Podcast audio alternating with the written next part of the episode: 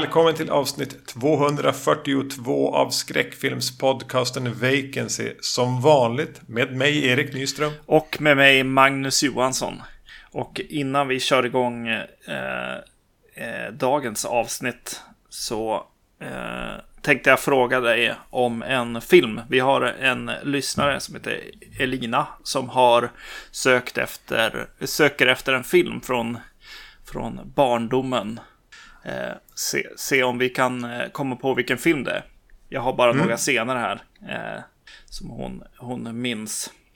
Eh, hon skriver, eh, har letat eh, i flera år efter den här filmen men hittar den inte. det är Halloween i filmen. Ja. och den börjar med en familj som är hemma i köket. Mamma, pappa en stora syster och en lillebror som har Downs syndrom. Eh, brodern står och skär kött på, eh, på diskbänken och lut, eh, lurar sin familj att han skär av sig fingret. Och systern blir riktigt arg på honom. Eh, har du än så länge kommit på vad det kan vara? Nej. Nej, nej okej. Okay. Nästa scen eh, jag minns, skriver hon, är att på kvällen så sitter systern ensam hemma och läser inför ett prov. Hon sitter i vardagsrummet och har tvn på eller möjligtvis av. Eh, minns inte vilken. Sen går hon till köket och hämtar något och när hon kommer tillbaka så är, vardags, eh, så är tvn igång eller då avslagen. Eh, eh, sen hör hon ljud utanför och kan, eh, kan hända att hon väntar på sin pojkvän. För när hon tittar ut sen genom fönstret så eh, ser hon honom som någon slags zombie helt plötsligt. Eh, som, försöker, eh, ja, som försöker komma in och döda henne. Det var över 20 år sedan som hon såg den här filmen. Eh, hon funderar Nej. lite på, kan det vara något Twilight Zone-film eller något sånt där? Kanske. Någon antologifilm. Ja, kanske. Jag känner inte igen någonting. Nej, den är nog från 80-talet tror hon också. Eh, nej, jag hade svårt med det där liksom. Eh. Det är jätteovanligt att en, eh, en amerikansk film skulle ha med någon med down syndrom. Mm. Ja, exakt. Eh, det. Sen började jag bara tänka på så här, ja, men filmer där, där pojkvänner återkommer från det döda eller någonting. Och så här. Men jag, jag vet inte. Jag känner, jag känner tyvärr inte igen det heller. Eh, jag börjar tänka på, är det sometimes they come back eller något som jag har glömt liksom. Men, mm. ja, nej. Nej, det var svårt. Jag, jag, jag, jag, jag brukar misslyckas med sånt där. ja, jag brukar ha sådana här filmer som jag, som jag undrar över, men inte, jag brukar inte lösa det liksom.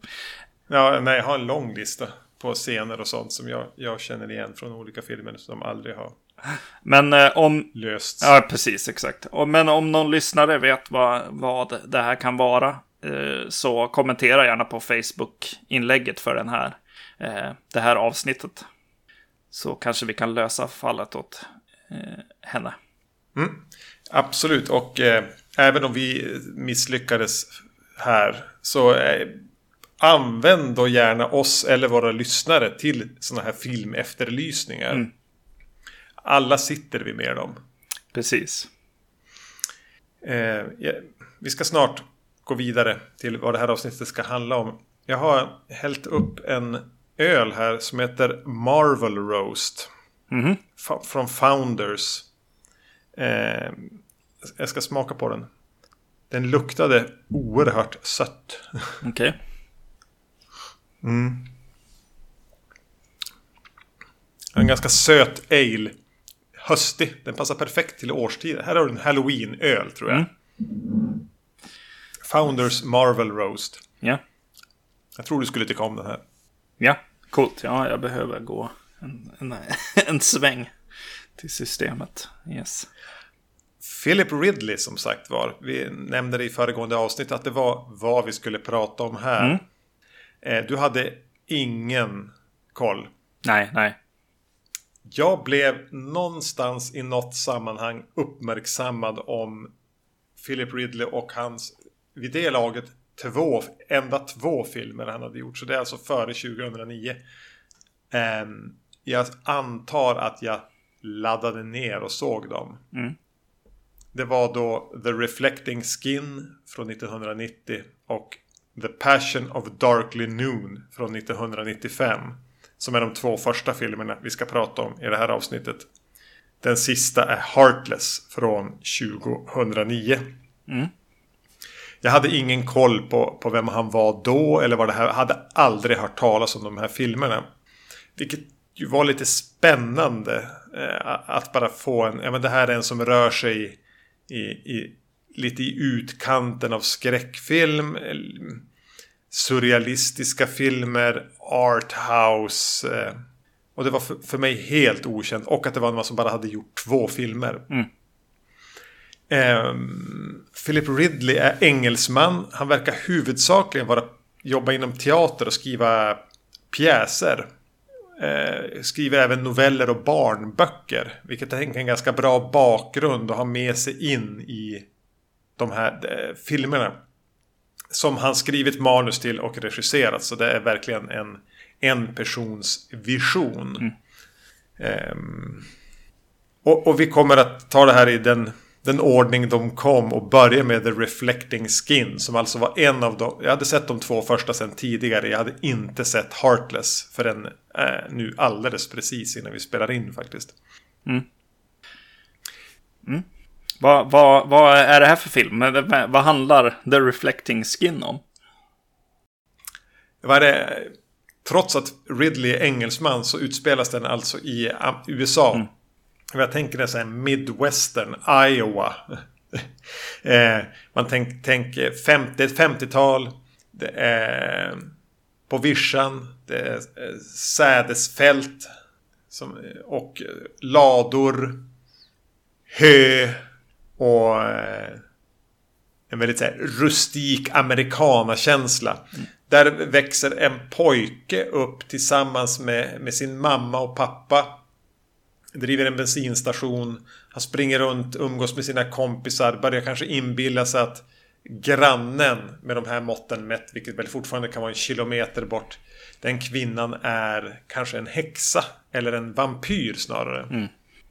Um, det handlar mycket om en, ett, ett barns lite naiva men ändå inte perspektiv på saker som sker i ett, eh, ett, ett, ett, ett, USA som kanske aldrig har funnits egentligen. Nej, precis. Nej, nej det är väl det man, man känner eh, väldigt tidigt med de här fina fälten som, som eh, dyker upp eh, här och eh, de här ensliga husen som står mitt, mitt bland säden, liksom. Eller vad man ska säga här. Mm. Eh, att det är romantiserat eh, från, från, från utanför håll kanske. Just att jag tänker att han är brittisk också. Så, så tänker jag att, att det är en sån där vision av Amerika som, som inte finns på något sätt. Utan det är bara mm. det, det, det vi i Europa förstår eller har hört eller sett eller kanske sett en, en, en tavla, tavla eller målning av. Men är inte även det här lite det, det Amerika, det superromantiserade Amerika som då det Make America Great Again-tänket kommer ifrån? Mm. Lite samma romantik som försökt nu eh, SD målar upp här med ett, med ett, med ett svenskt folkhem. Mm ungefär samma tid efter, efter kriget, 50-talet och allting var som bäst. Mm.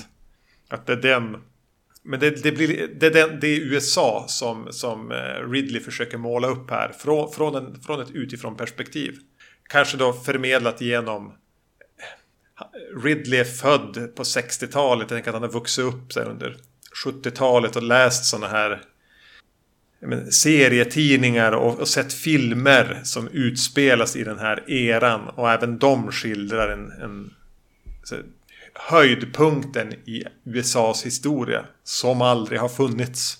Ja, precis. Jo, men mycket mål, målningar tänker jag. Men det är ju för att fotot är ju fantastiskt här redan från start. Liksom. Mm. Eh, så, så man tänker på liksom. Eh, jag tänker framförallt att det här är nog eh, högst inspirerat av, av målningar. Just hur kameran väljer att, att eh, framea liksom karaktärer, miljöerna och, och hus och, och så vidare. Liksom. Eh, så där finns det nog mycket. Alltså, så här, och eh, den, den öppnar med ett pojkstreck här, eller vad man kallar det för. Eh, ett, ett, ja, vilket fruktansvärt pojkstreck. Ja, precis.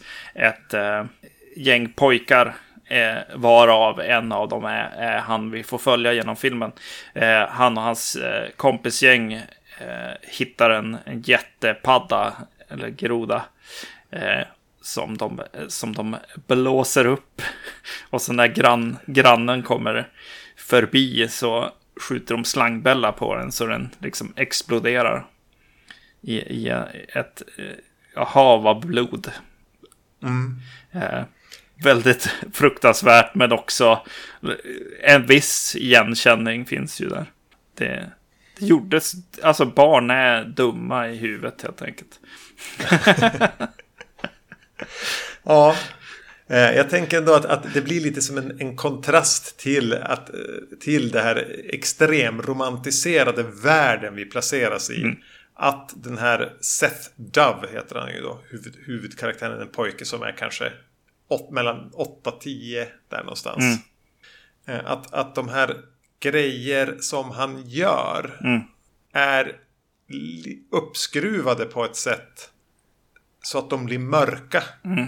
De går bortom att vara ett pojk. Det är, pojk. det är ett pojkstreck. Men den här filmen tillåter dem att vara lite mer än vad ett pojkstreck ska vara. För att man, man, man enkelt ska kunna förlåta dem med Ja men de är ju barn. Mm.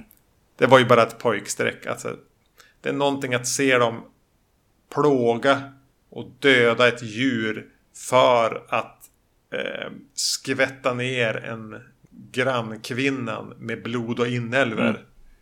På något sätt, för mig är det ett steg bortom. Eh, och de gör ju sen ett till spratt. Eller vad man ska kalla det för. När de bara slår sönder hennes sovrum fullständigt. Mm.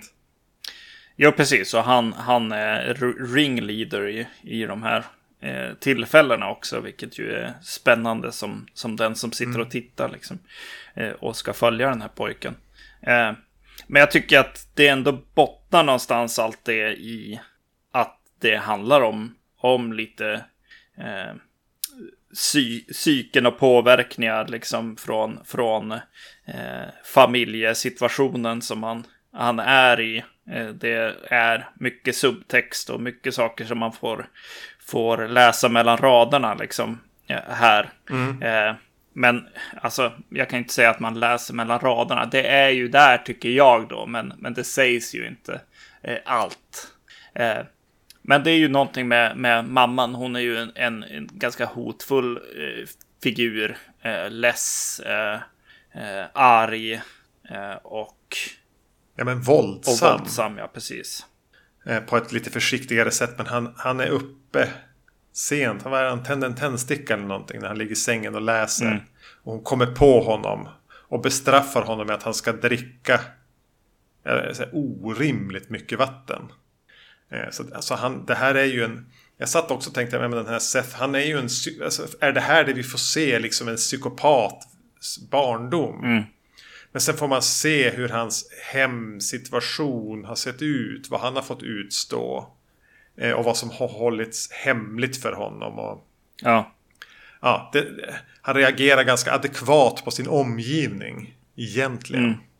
Samtidigt som han ju får vara ett barn också som springer runt i de här sädesfälten och bara är. Precis, och fantasin om, om alltså som pappan pra, pratar, berättar om vampyrer och vad det är för någonting och sånt. Och han, han eh, kan koppla det direkt till, till grannen här och sådär. Eh, mm. Och få vara med i ett litet sådär, ja men Stephen King-äventyr på något sätt. Med pojkar som, som hittar ett lik eller så liksom. Den typen. Det, alltså gud, det är så svårt. Den här, den här, jag, jag tycker om den här filmen. Jag ty tycker att den ser riktigt bra ut. Den har skön eh, koll på, på eh, historien, man, man dras med, man får, ja. man får tänka, man får eh, anta, göra antaganden själv, vara liksom smart så att säga. Eh, mm. Och ja, den är, den, är, den är schysst alltså. Jag tycker om den här filmen. Eh, vilket gör att jag vill prata mycket om den. men, men jag vill inte spoila den heller. Eh, Nej. Det, det, det, ja, det är faktiskt svårt där just nu. Eh, men eh, jag vet inte, ska vi, ska vi kanske till och med hoppa tillbaks till filmen senare eller något sånt där? Och prata spoilers, eller hur tänker vi? Alltså, hur många har sett Philip Ridley-filmer? Ja, jag tänker att det inte är så många som har gjort det nämligen. Nej, så då kan vi väl... Ja, det här är ju sånt vi borde ha pratat om innan vi började spela in. Men det här, det, återigen, det är just den här oförberedda, slarviga känslan som gör att ni, kära lyssnare, älskar oss. Jag tänker att vi bara utfärdar en spoilervarning här. Tycker ni att, att uh, The Reflecting Skin låter intressant uh, och Philip Ridley låter intressant så ja, men leta upp då och The Reflecting Skin till att börja med att se den. Mm. Um, och så kan ni väl återkomma. Precis, precis. Så att vi kan prata mer fritt om den här. Ja.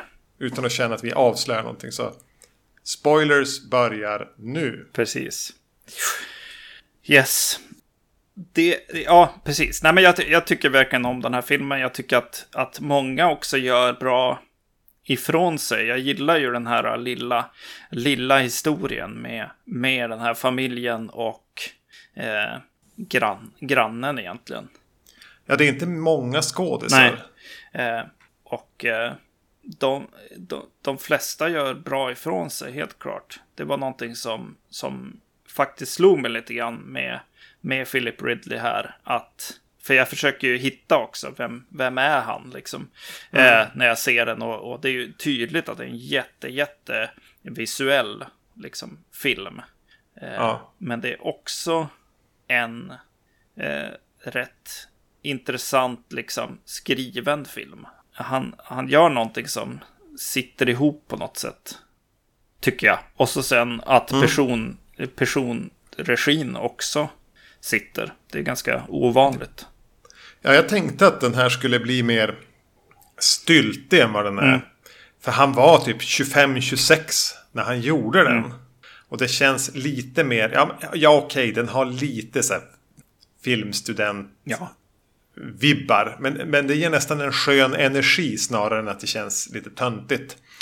Um, det jag tycker att han har lite problem med det är att regissera barnen mot varandra. Ja, just det. Ja.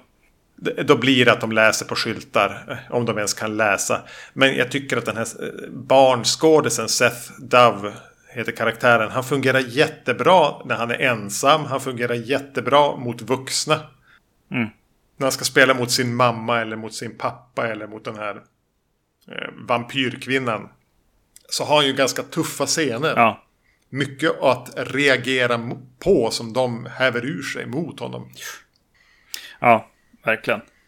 Eh, ja, på tal om det. Shit vad cool, cool idé. Eh, visuell idé. Som eh, de har där med, med hon eh, vampyrkvinnan. Dolphin Blue heter hon. Ja. Eh, och eh, hennes hus där som står där. och är mitt ute i Middle America det, jag tänker att det finns inget, inget vatten ens i närheten. Och när man Nej. går in i hennes hus är det fullt av, av fisk. Eh, eh, liksom eh, stora så här hajkäkar och, och sådana grejer liksom. Och, ja. och harpuner och, och, och, grejer från, från eh, vad som visar sig vara sin, hennes far eller något sånt där va? Hennes mans, eller mans familj. Mm. Ja hans familj var into whaling. Mm. Eh, och hon är ju hon är ju från England. Ja. Så, så, hon är lite outsidern där. För att hon kom dit och gifte sig med, för att gifta, alltså hon gifte sig med, med, med sonen i det där huset. Och sen eh, var de lyckliga i en vecka, sen hängde han sig i ladan. Mm. Eh, så har hon bara blivit kvar där. Ja. och ha alla de här, ja men som du säger, det är en harpun och det är så här fiskkäkar och så, så, långt från någon ocean man kan komma. Ja, precis. Eh, mm. eh, det jag ville prata om när jag började prata om spoilers, det är ju den här eh, familjen och, och hur, det, hur det ligger till och sådär. Eh, för det blev mycket frågor eh, såklart. Mamman på sättet hon är, pappan som när det börjar dö, det börjar dö pojkar. Eh, ja, små pojkar dyker upp, försvinner och dyker upp döda och han blir anklagad. Precis, utifrån att han eh, vid något tillfälle har synts till med en ung eh, man eller pojke i en lada någonstans. Ja. Och, och blir liksom outad som gay där då. Ja, Eller, men det här är något som alla bara har nästan valt att förtränga. Ja, nu kanske jag är, är snäll med allt för de pratar om 17-åringar och sånt. Jag vet inte om de vill, vill eh, indikera eh, att han är pedofil också. Jag vet inte.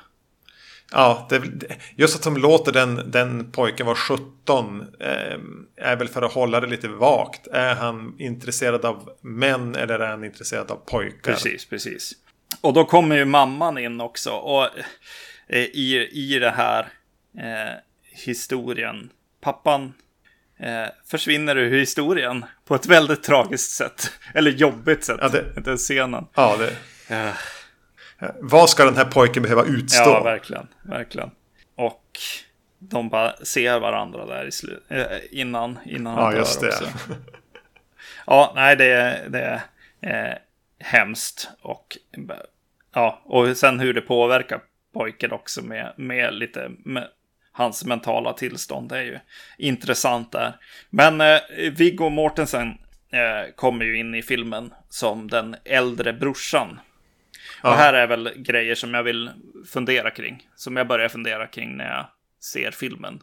Eh, ska, jag, ska jag tänka att utifrån det jag vet nu att mamman kanske är, eh, nej, så här, att Viggo och hans mycket yngre bror har en annan relation också, att Viggo kanske är hans pappa också. Det är någonting mellan Viggo och mamman som inte är som det ska. Precis, för direkt han, eh, hon, eh, han kommer dit så är han väldigt reserverad kring henne och hon börjar gå närma sig honom och han ryggar tillbaks ganska aggressivt. Eh, och eh, han pratar om henne också eh, vid pappans grav på ett väldigt, ja men väldigt anklagande vis liksom. Eh, och Ja, nej, det verkar vara en jävligt jobbig, jobbig familjesituation där helt klart. Eh, har du, jag, såg, jag såg för övrigt lite extra material på den här. Lite intervjuer. Ja, jag såg att det fanns en del och ett kommentarspår som jag blev lite nyfiken på med Philip Ridley. Ja, just utifrån vad jag började fundera kring där. Eh, för de, de har gjort Viggo Mortensen och sonen ganska lika varandra också. De har valt att ha samma hårfärg som kanske inte reflekteras hos föräldrarna lika mycket. Nej, eh, jättemörk hårfärg. Ja, ja och i, i de intervjuerna så, så hjälpte han ju mig där lite grann på vägen. Viggo Mortensen, han bara, ja just det, så pojken som spelade min, min store Nej, min lillebror liksom. Att han, han, han, sa i princip son, men sen bytte han. Nej, just det, det är lillebror han spelar. Jag tänkte, ska det bara vara att det, det har gått tid sedan de gjorde den här filmen, eller? ja, visste Viggo mer än, mer än oss som tittar. Nej, utan att det, det, det, är ju tydligt att den vill liksom använda, eller Philip Ridley vill använda den här urtypiska americana, American Gothic mm. duken och bara göra eh, någonting fyllt av skuld och skam och eh, lidande mm. egentligen under ytan. Då har jag en till sån där, så här analysgrej som jag ändå vill eh, ta via dig. Liksom. Eh, ja. Eh, det som händer barnen här, som försvinner, det är att det kör, kör omkring ett gäng i, i en svart, liksom. Svart Cadillac typ. Någon slags eh, rockers som kör runt. Jag tyckte det var roligt att, att du tidigare nämnde Sometimes They Come Back. Ja, För det är i princip de som är där och kör. precis, precis. Och eh, där, där fick jag en väldigt eh, stark känsla mot slutet av filmen att de är sonen. Alltså att, eh, för de frågar liksom, ska du hänga med i bilen? Nej, inte än, säger han. Eh, och jag tänker att, att eh, Philip Ridley här tänker lite grann att de representerar, eller han kanske som kör bilen, är den här sonen som vi får följa i filmen. Fast i framtiden då. Eh, hur, hur kände du? Tänk, Jag tänkte inte på den. Nej, jag tänkte inte så. Jag tänkte väl att de var någon slags eh, manifest, alltså symbol för döden eller någonting. Men, men jag, jag, fick inte ihop det. Alltså, det var ingen pusselbit som passade. nej. Men, men de har ju en annan mer äh, relation. Det finns en koppling. Han är ganska på något sätt lite lik Seth också. Han som kör bilen. Ja. Och alla ser ju lite likadana ut. Mm. Och vad gör de där på landsbygden? Ja. Mm. Och, Ja. och att han då sen, alltså den här våldsspiralen, han blir utsatt för våld. Mm. Han, det där är vad han kommer att göra sen, det vill säga utsätta andra för våld. Mm. Och att det då ska säga något om, om Amerika kanske. Jag vet inte. Ja. Den är ju även fruktansvärd den här sido, eller bakgrunds, eller detaljen, hur man nu vill, vad man nu vill kalla det med, med Viggo Mortensen som har varit stationerad på en ö i Stilla havet.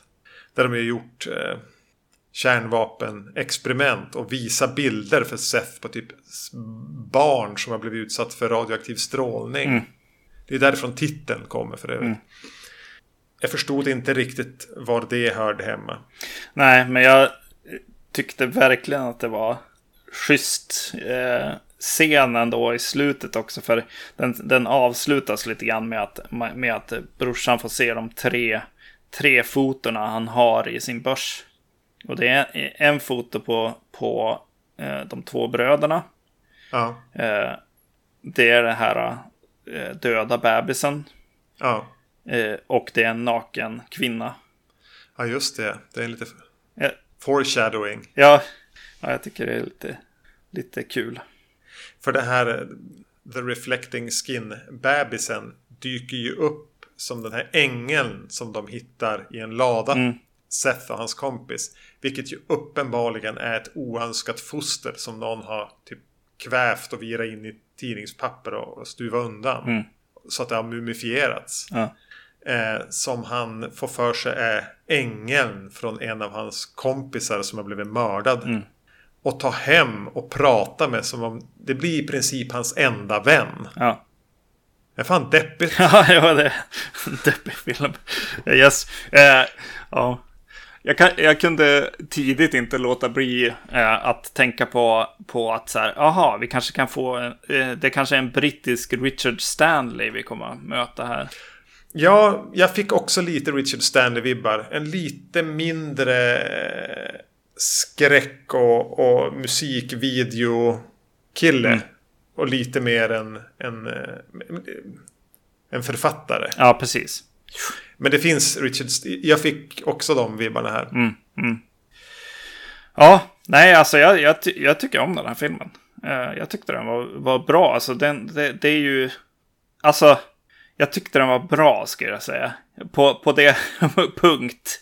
Ja, jag kan Ja. inte säga att det är så bara, åh, coolt att hitta ett nytt mästerverk. Liksom. Det är inte där, utan det är bra, bra på den där eh, starka trean. Liksom. Eh, jag, jag, jag tyckte det var, ja, en strong outing, helt klart. Ja, men jag ligger någonstans ungefär på samma ställe. Så här, tre och en halv. Eller sju av tio kanske. Ja, det, det är vissa saker jag inte förstår. Det är vissa saker som blir lite... Ah, den tar inte ihop helt och hållet för mig. Mm. Men det finns så mycket starka element och den är ju vanvettigt mörk under den här gula, snyggt fotade eh, Rural America-ytan. Så är det ju bland det mörkaste. Japp, japp. Eh, ja, precis. Jo, fotot och mörkret liksom. Och han, han lyckas för mig eh, balansera på rätt sida av känslan också. Ja, jo men den, den, känns... Det är snarare hellre att den faller åt att vara lite banal tv-film. Mm. Än att den faller åt någonting som försöker alldeles för mycket. Eller är för pretto. Ja, precis. Yes. Ja, precis. Jo, den, den känslan kommer vi komma vi in på här när vi går vidare kan jag tycka det du sa just senast här. Ja, uh, jo, vi, vi tar med den ja. Tanken in i The Passion of Darkly Noon. Mm. Från 95, alltså fem år senare bestämde han sig för att göra film igen. Mm. En ung man snubblar in i ett, till ett hus egentligen i, i skogen, någon, vad jag antar ska föreställa den amerikanska södern. Mm. Där en ung kvinna bor. Den unga kvinnans man är ute på en av sina vandringar som han verkar ge sig ut på när han hamnar i mörkret.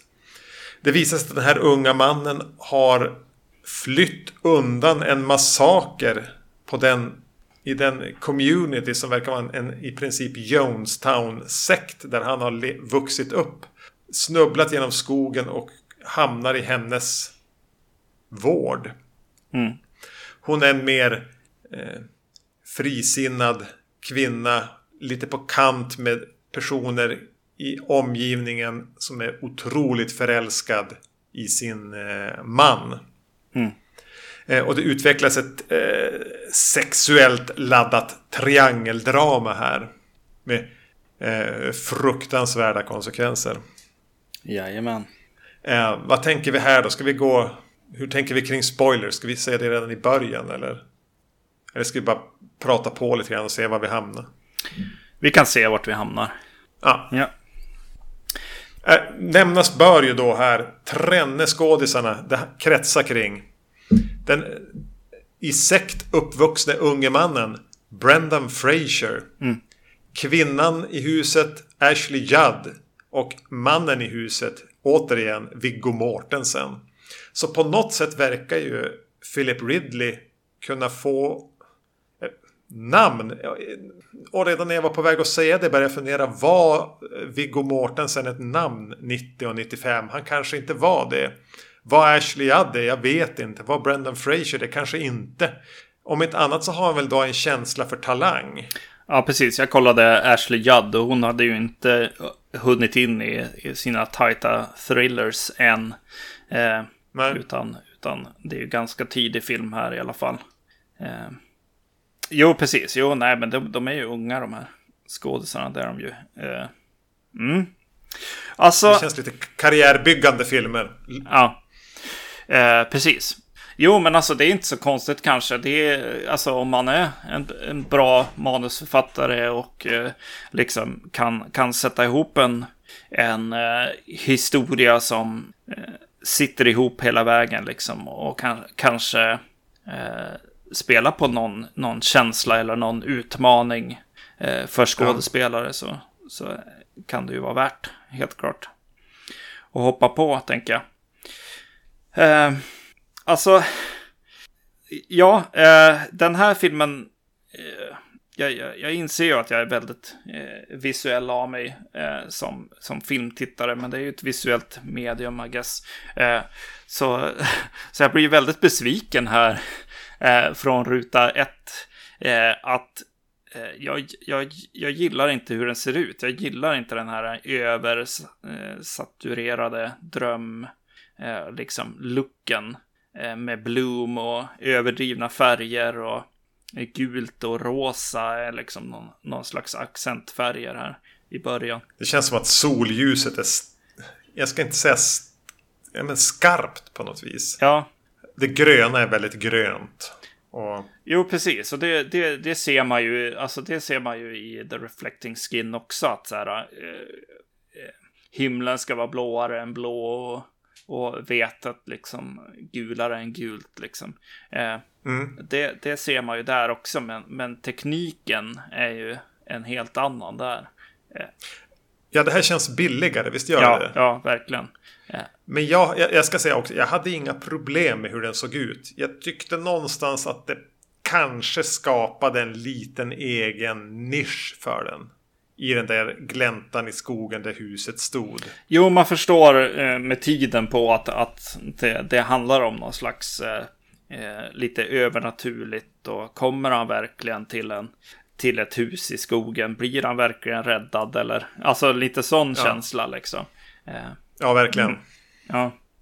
Men det är ju väldigt, det är ju väldigt färgkorrigerat på något vis. Alltså det är, så den har, ju en, den har ju en look och jag kan förstå om man hatar den. Ja, ja uh. jag, jag, hade, jag hade problem med den. Eh, framförallt i början. Sen tycker jag nog att den, den liksom får in mig i den, I guess. Eller så tänker jag inte på den längre.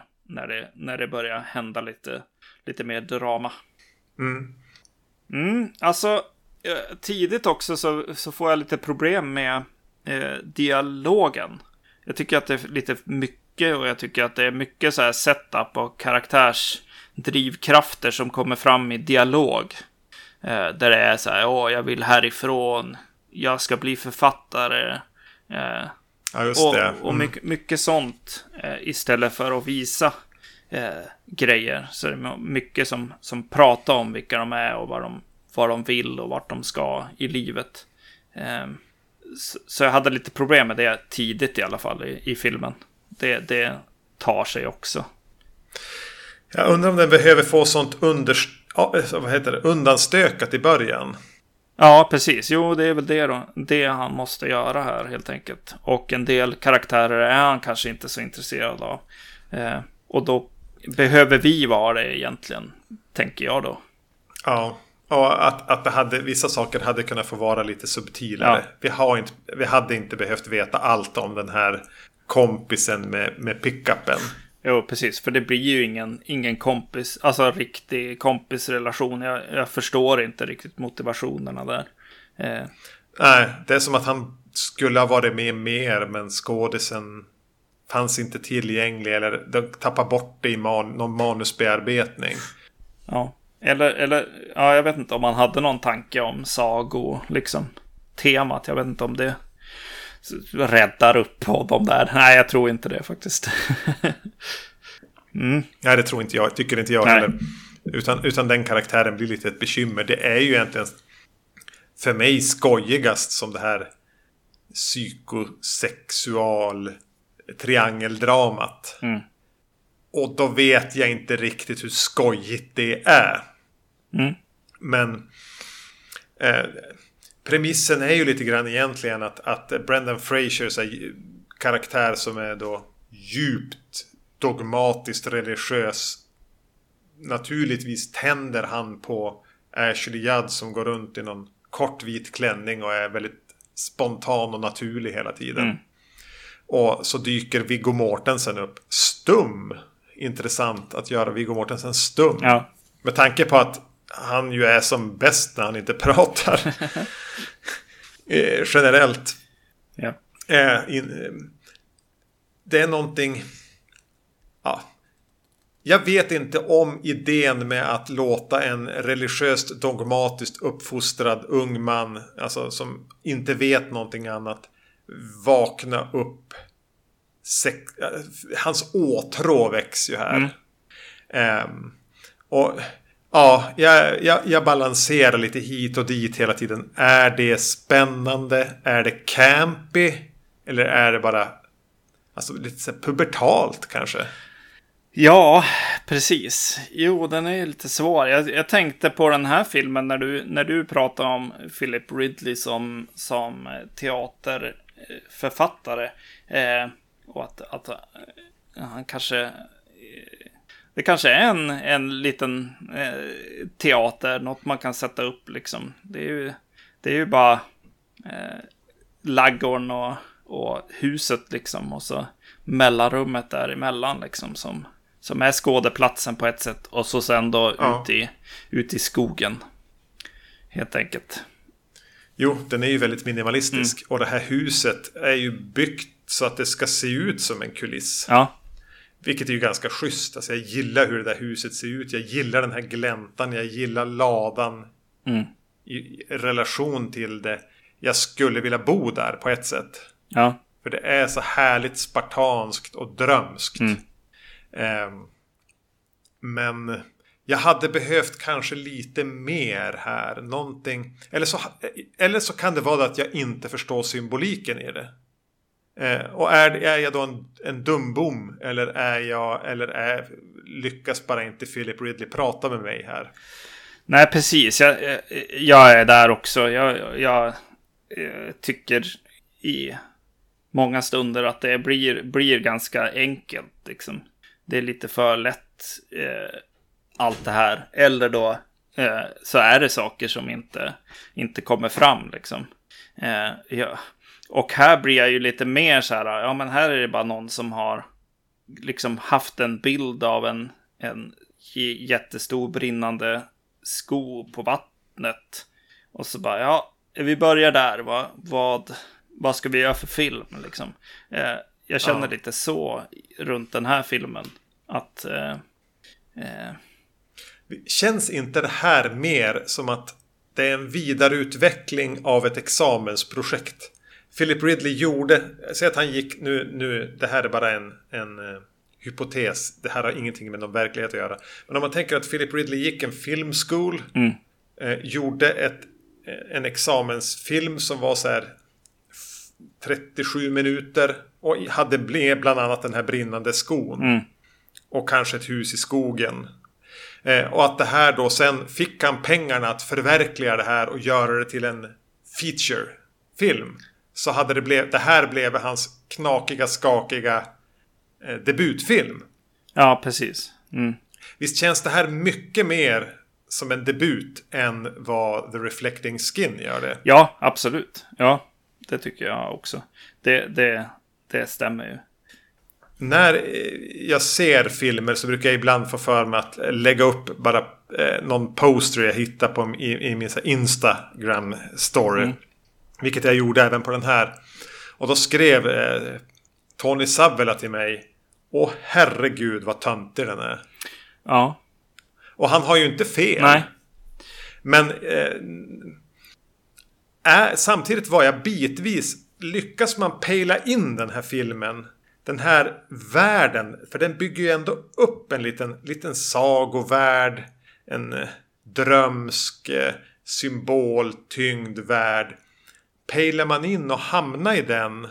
Vilket jag gjorde bitvis. Jag gled lite ur det där till och från. Mm. Men är man väl där så har den kvaliteter tycker jag i hur den hanterar en värld. Och mm. att sen finns det inte tillräckligt mycket där. Det finns inte det blir grund. Ja, precis. Det finns inget för mig att få tag i att hålla mig kvar i världen. Ja, precis. Och den blir lite grund... Eh, ja, precis. Just det. Exakt. Och så sen så försöker den också eh, så så skörda och liksom binda ihop saker som har hänt tidigare med andra saker som kommer sen och så. Det, det känns väldigt så här, eh, ja, lite simpelt. Ja, och grunt, ja, precis. Jo, det blir väl så kanske. Så bara, ja, ja payoffen på skon är ju inte så jävla stark. Eh, och sådana grejer liksom, det, det, det känns, känns sådär. Eh, det som är halvstarkt, det är ju ändå liksom en del av, av eh, scener. Liksom. Ashley Judd gör, gör bra ifrån sig. Eh, ja, verkligen. Och eh, Viggo Mortensen också.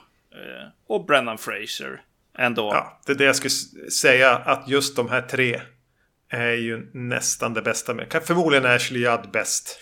Eh, men jag tycker att, att, här kan man säga, men Brendan Fraser, är inte han en som man alltid har tänkt har mer att ge? Mm än den status han har fått som ja, men, äh, Mumien-filmerna. Mm. Han är ju han är jättebra där. Och det är väl att han, kan, han vet alltid vad det är för film han gör. Ja, precis. Jo, jo, jo precis. Man, äh, lite kan jag tycka att jag ser hans process dock i filmen. Alltså det är mycket så här, jag ska gå så här, jag ska... Eh, ja, det är mycket som, mm. som, som händer där liksom. Eh, så han är ju inte lika naturlig. Men det kanske är för att han står mot Ashley Judd eller framförallt kanske Viggo Mortensen då, som, som är väldigt eh, naturlig skådis på något sätt. Ja, jo, han, han är ju mer bara. Ja, precis. Mm. Ernst Kirchsteiger typ. Ja.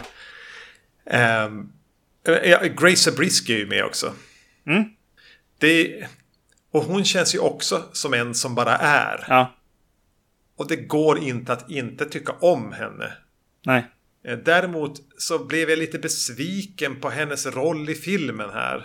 Det blev lite futtigt. Det var som att hon på något sätt fick representera hela byn eller någonting. Ja. Ehm, jag blev glad när jag ser henne. Jag blev lite besviken på hennes roll i filmen och jag förstod, tyckte det blev po poängen blev lite futtig med, med, med att hon ens var där. Japp. Däremot tyckte jag musiken var schysst. Lite drömskt plinky-plonky hela tiden. Mm. Ehm, som var snäppet ovanför vanligt drömskt plinky-plonky. Ja, precis. Jo, vi nämnde inte det i förra filmen heller, men där, där jobbar den ju väldigt bra också. Eh, Ja, Yes. Jo, nej, han, han har koll på det. Och, och den är, den är ganska subtil. Eh, Den är väl lite mer påtaglig i eh, Reflecting Skin utan att vara övertydlig. Här är den eh, mer subtil men ja, och, schysst musik, verkligen. Även den här utgåvan, vi har väl båda två köpt Arrow Mm. släppet som kommer här i våras. Är ju en ganska matig utgåva med kommentarspår och, och sånt. Och även här blev jag sugen på att se det med, med Philip Ridley. Mm. Bara för att få höra han, åtminstone, vad hade han för idéer? Vad, vad, ja. vad ville han säga med den här filmen? ja, precis. Jo, precis. Nej, men alltså, det var ju mer att så här, ser du en skadad eh, religiös människa ute i skogen, gå vidare bara.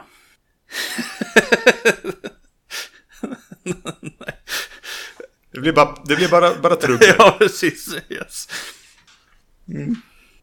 Då går vi vidare till hans eh, tredje och hittills då sista film. Mm.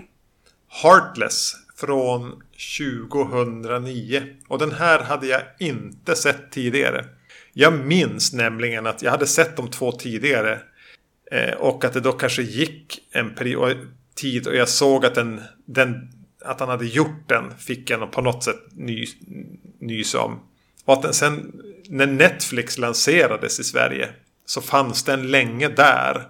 Som en av de här bulkfilmerna de köpte in bara för att ha ett utbud. Eh, men det blev aldrig att jag såg den då. Mm. Tills nu. Ja.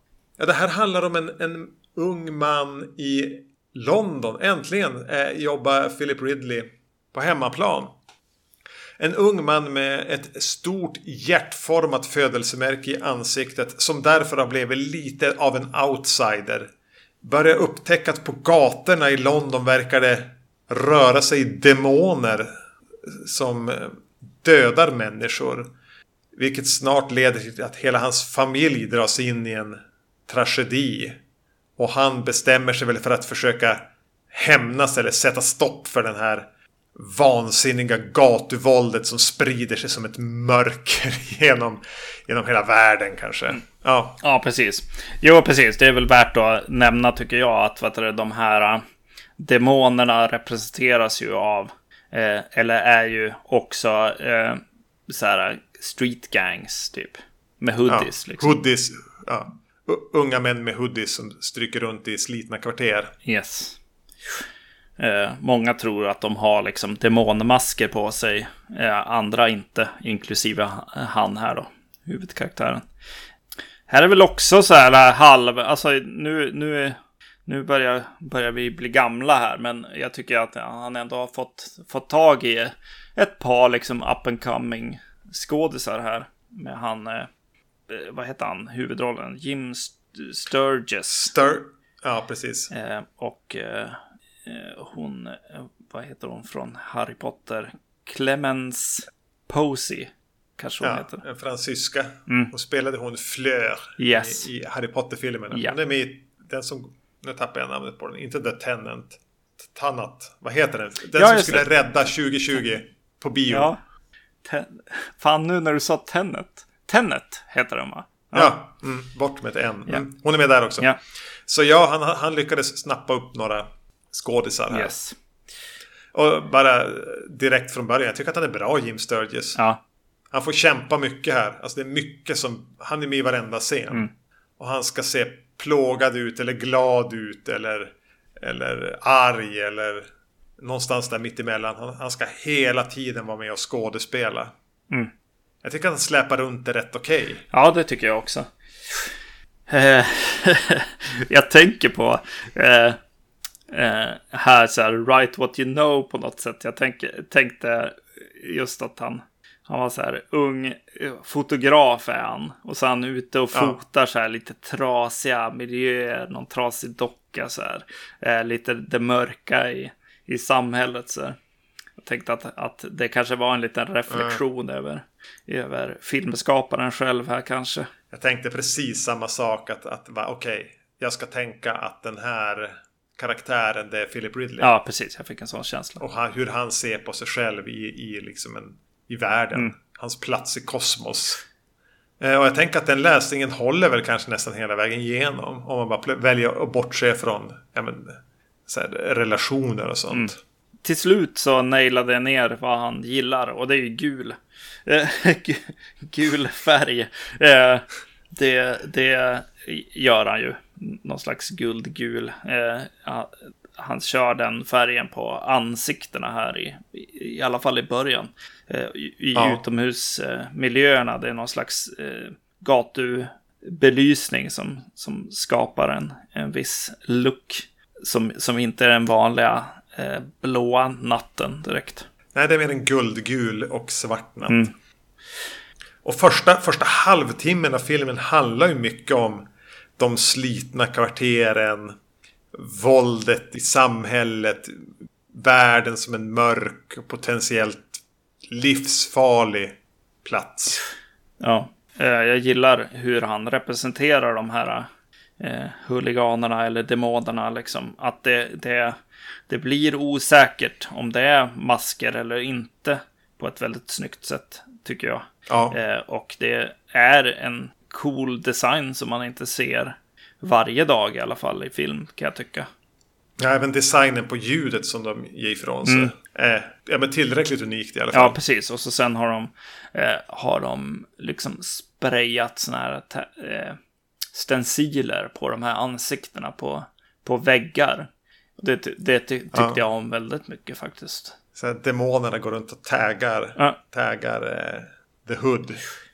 Så den, den skapar ju en värld här där vissa människor försöker hålla ihop, kanske tack vare sina familjeband, men världen är ond och mörk och, och, och förr eller senare kommer det ifatt dig. Mm.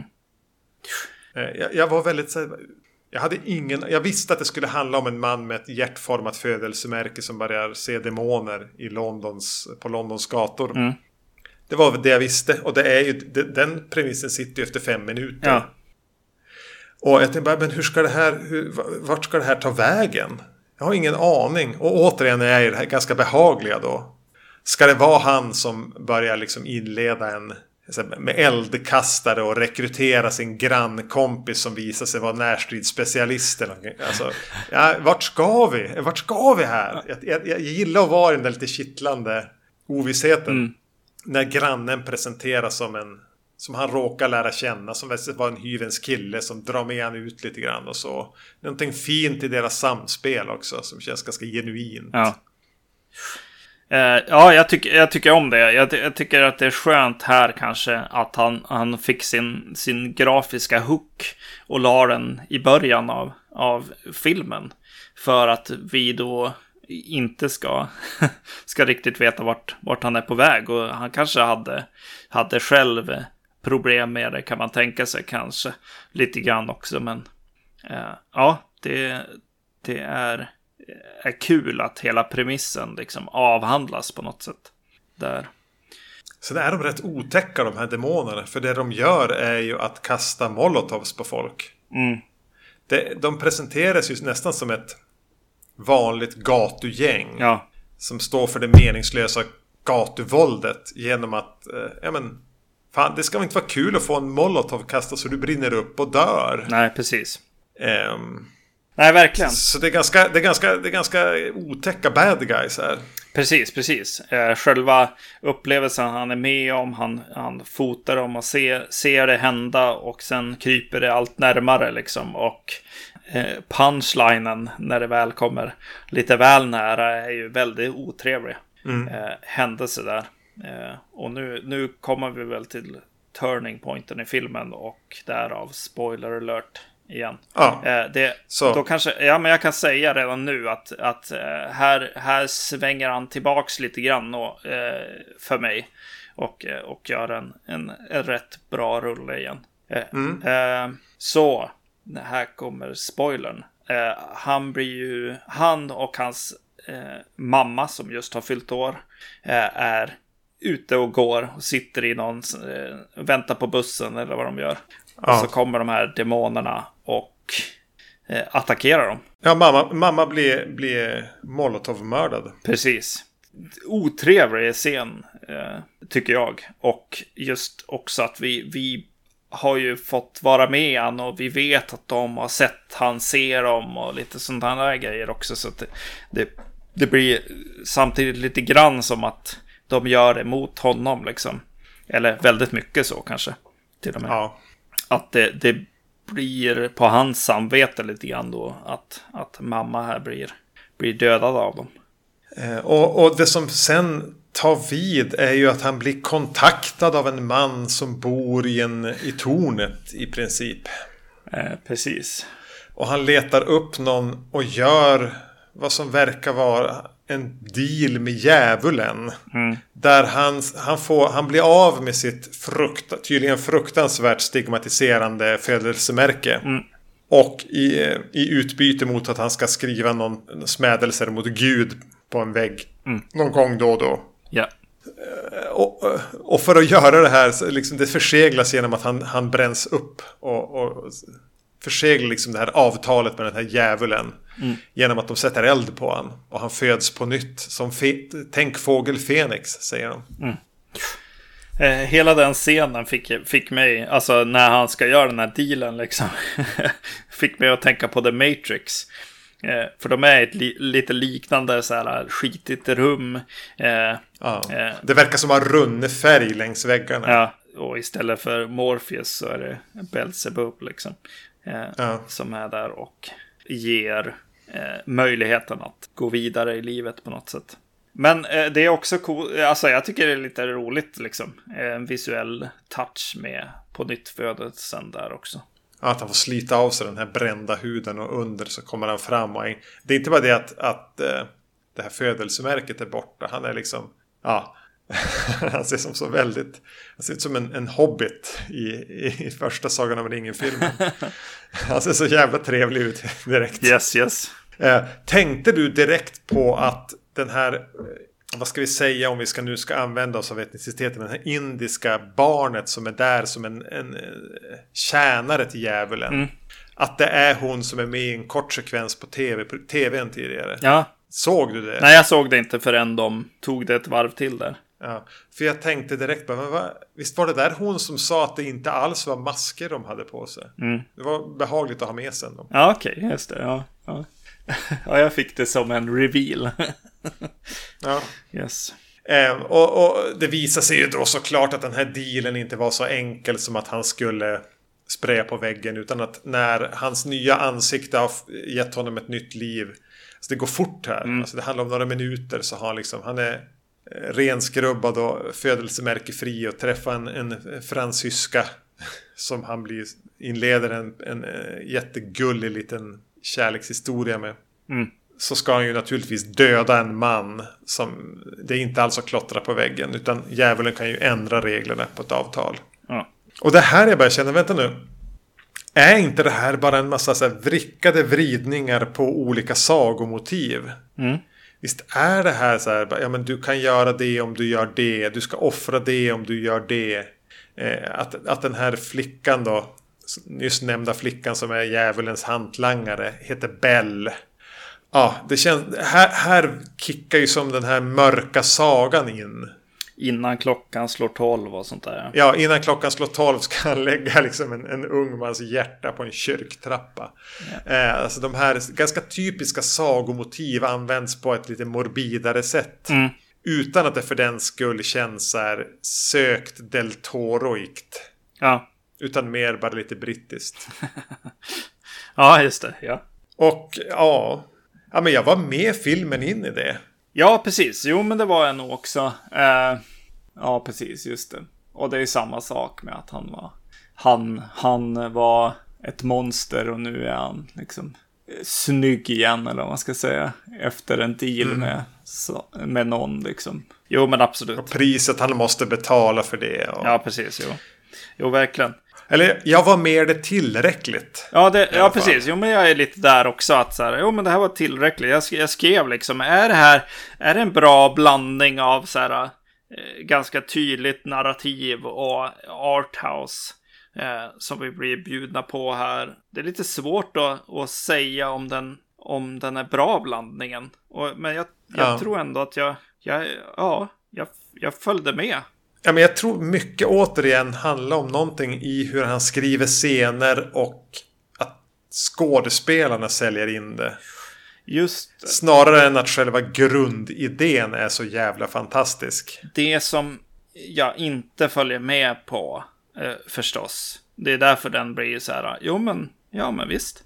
Eh, det är ju att det är ganska bra berättat liksom. Och så. Men känslomässigt så är jag inte inte med. Jag får ju ingen käftsmäll liksom. Eller liksom någon, någon vidare känsla för, för de här, den här historien liksom. Nej, ja. och, och den landar inte liksom Ja, men det, jag, jag, förstår inte om den vill säga någonting om ondskan i världen heller. Alltså där... Nej, alltså han är ju... Den är inte universell så. Nej, och han är ju lite och lallar runt. Men jag vet inte om jag kanske behöver ännu mer tid på mig till att så här, reflektera över. Alltså han skriver ju in repliker om han kallar någon en crazy cow och, och de pratar om terrorism och så. Det känns som att det de var liksom lite så här göra något om tiden liksom den utspelar sig i.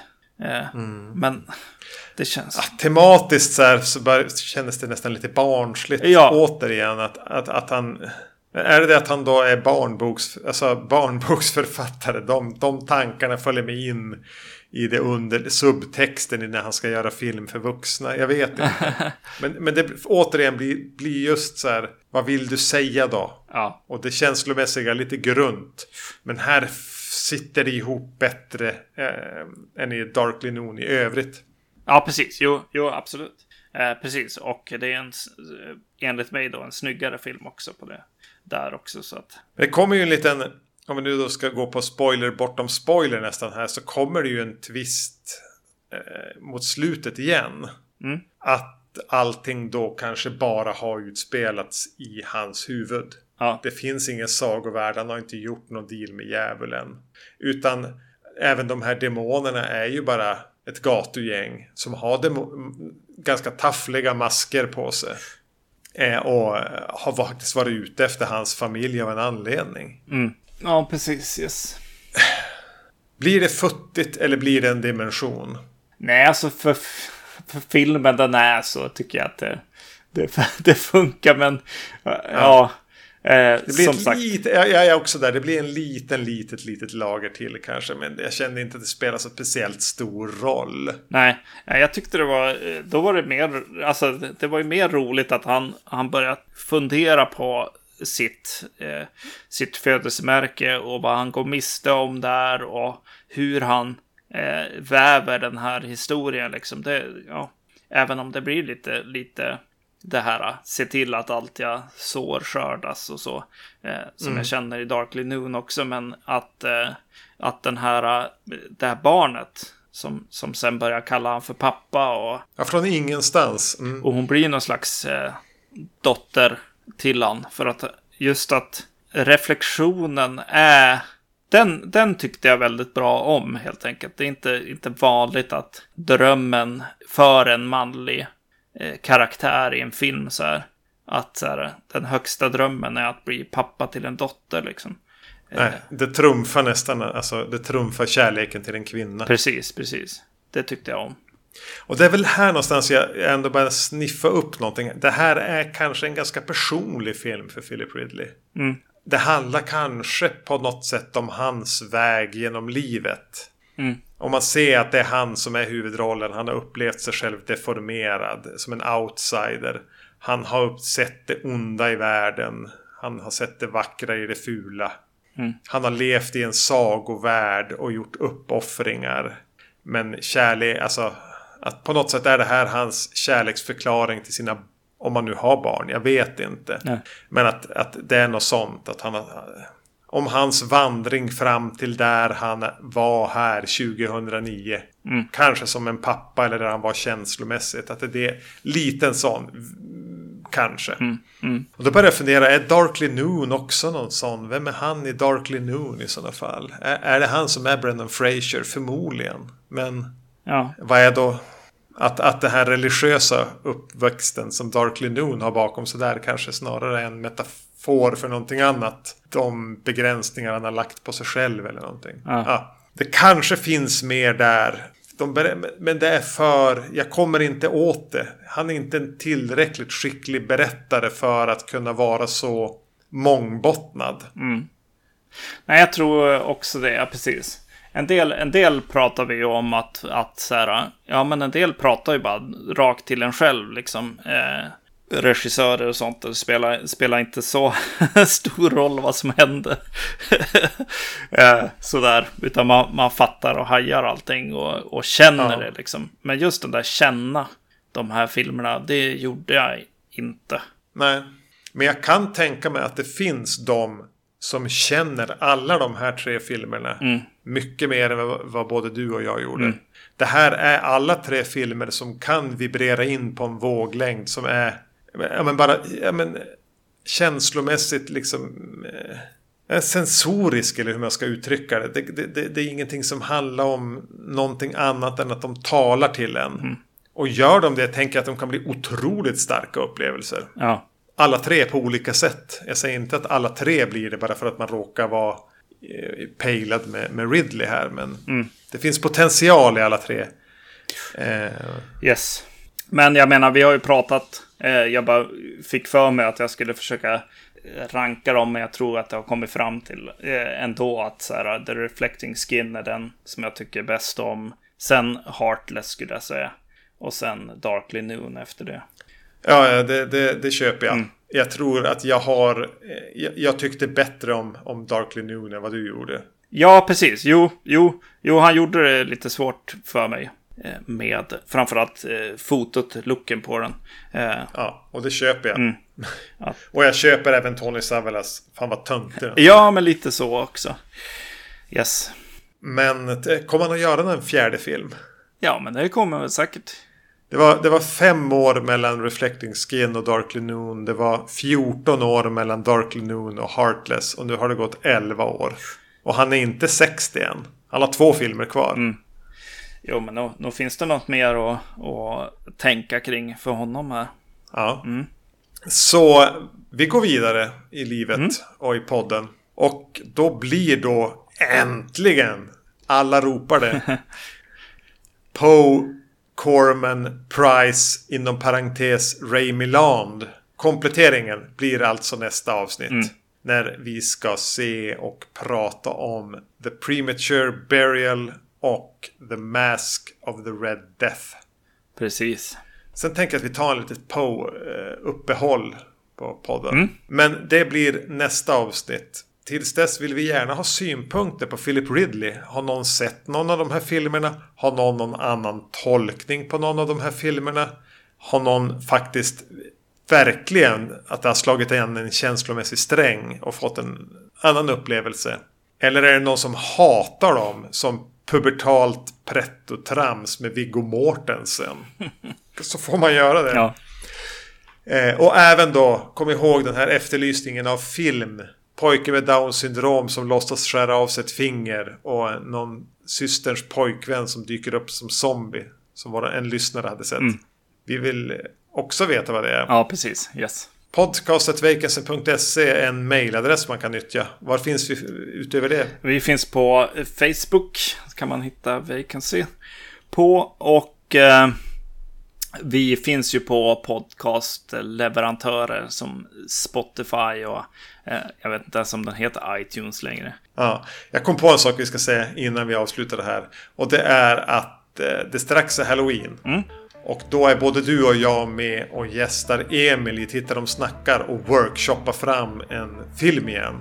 Jag kan inte lova att det blev lika bra som vi gjorde, när vi gjorde det förra gången. Men det, spana in det. Yes, ha det bra. Hej.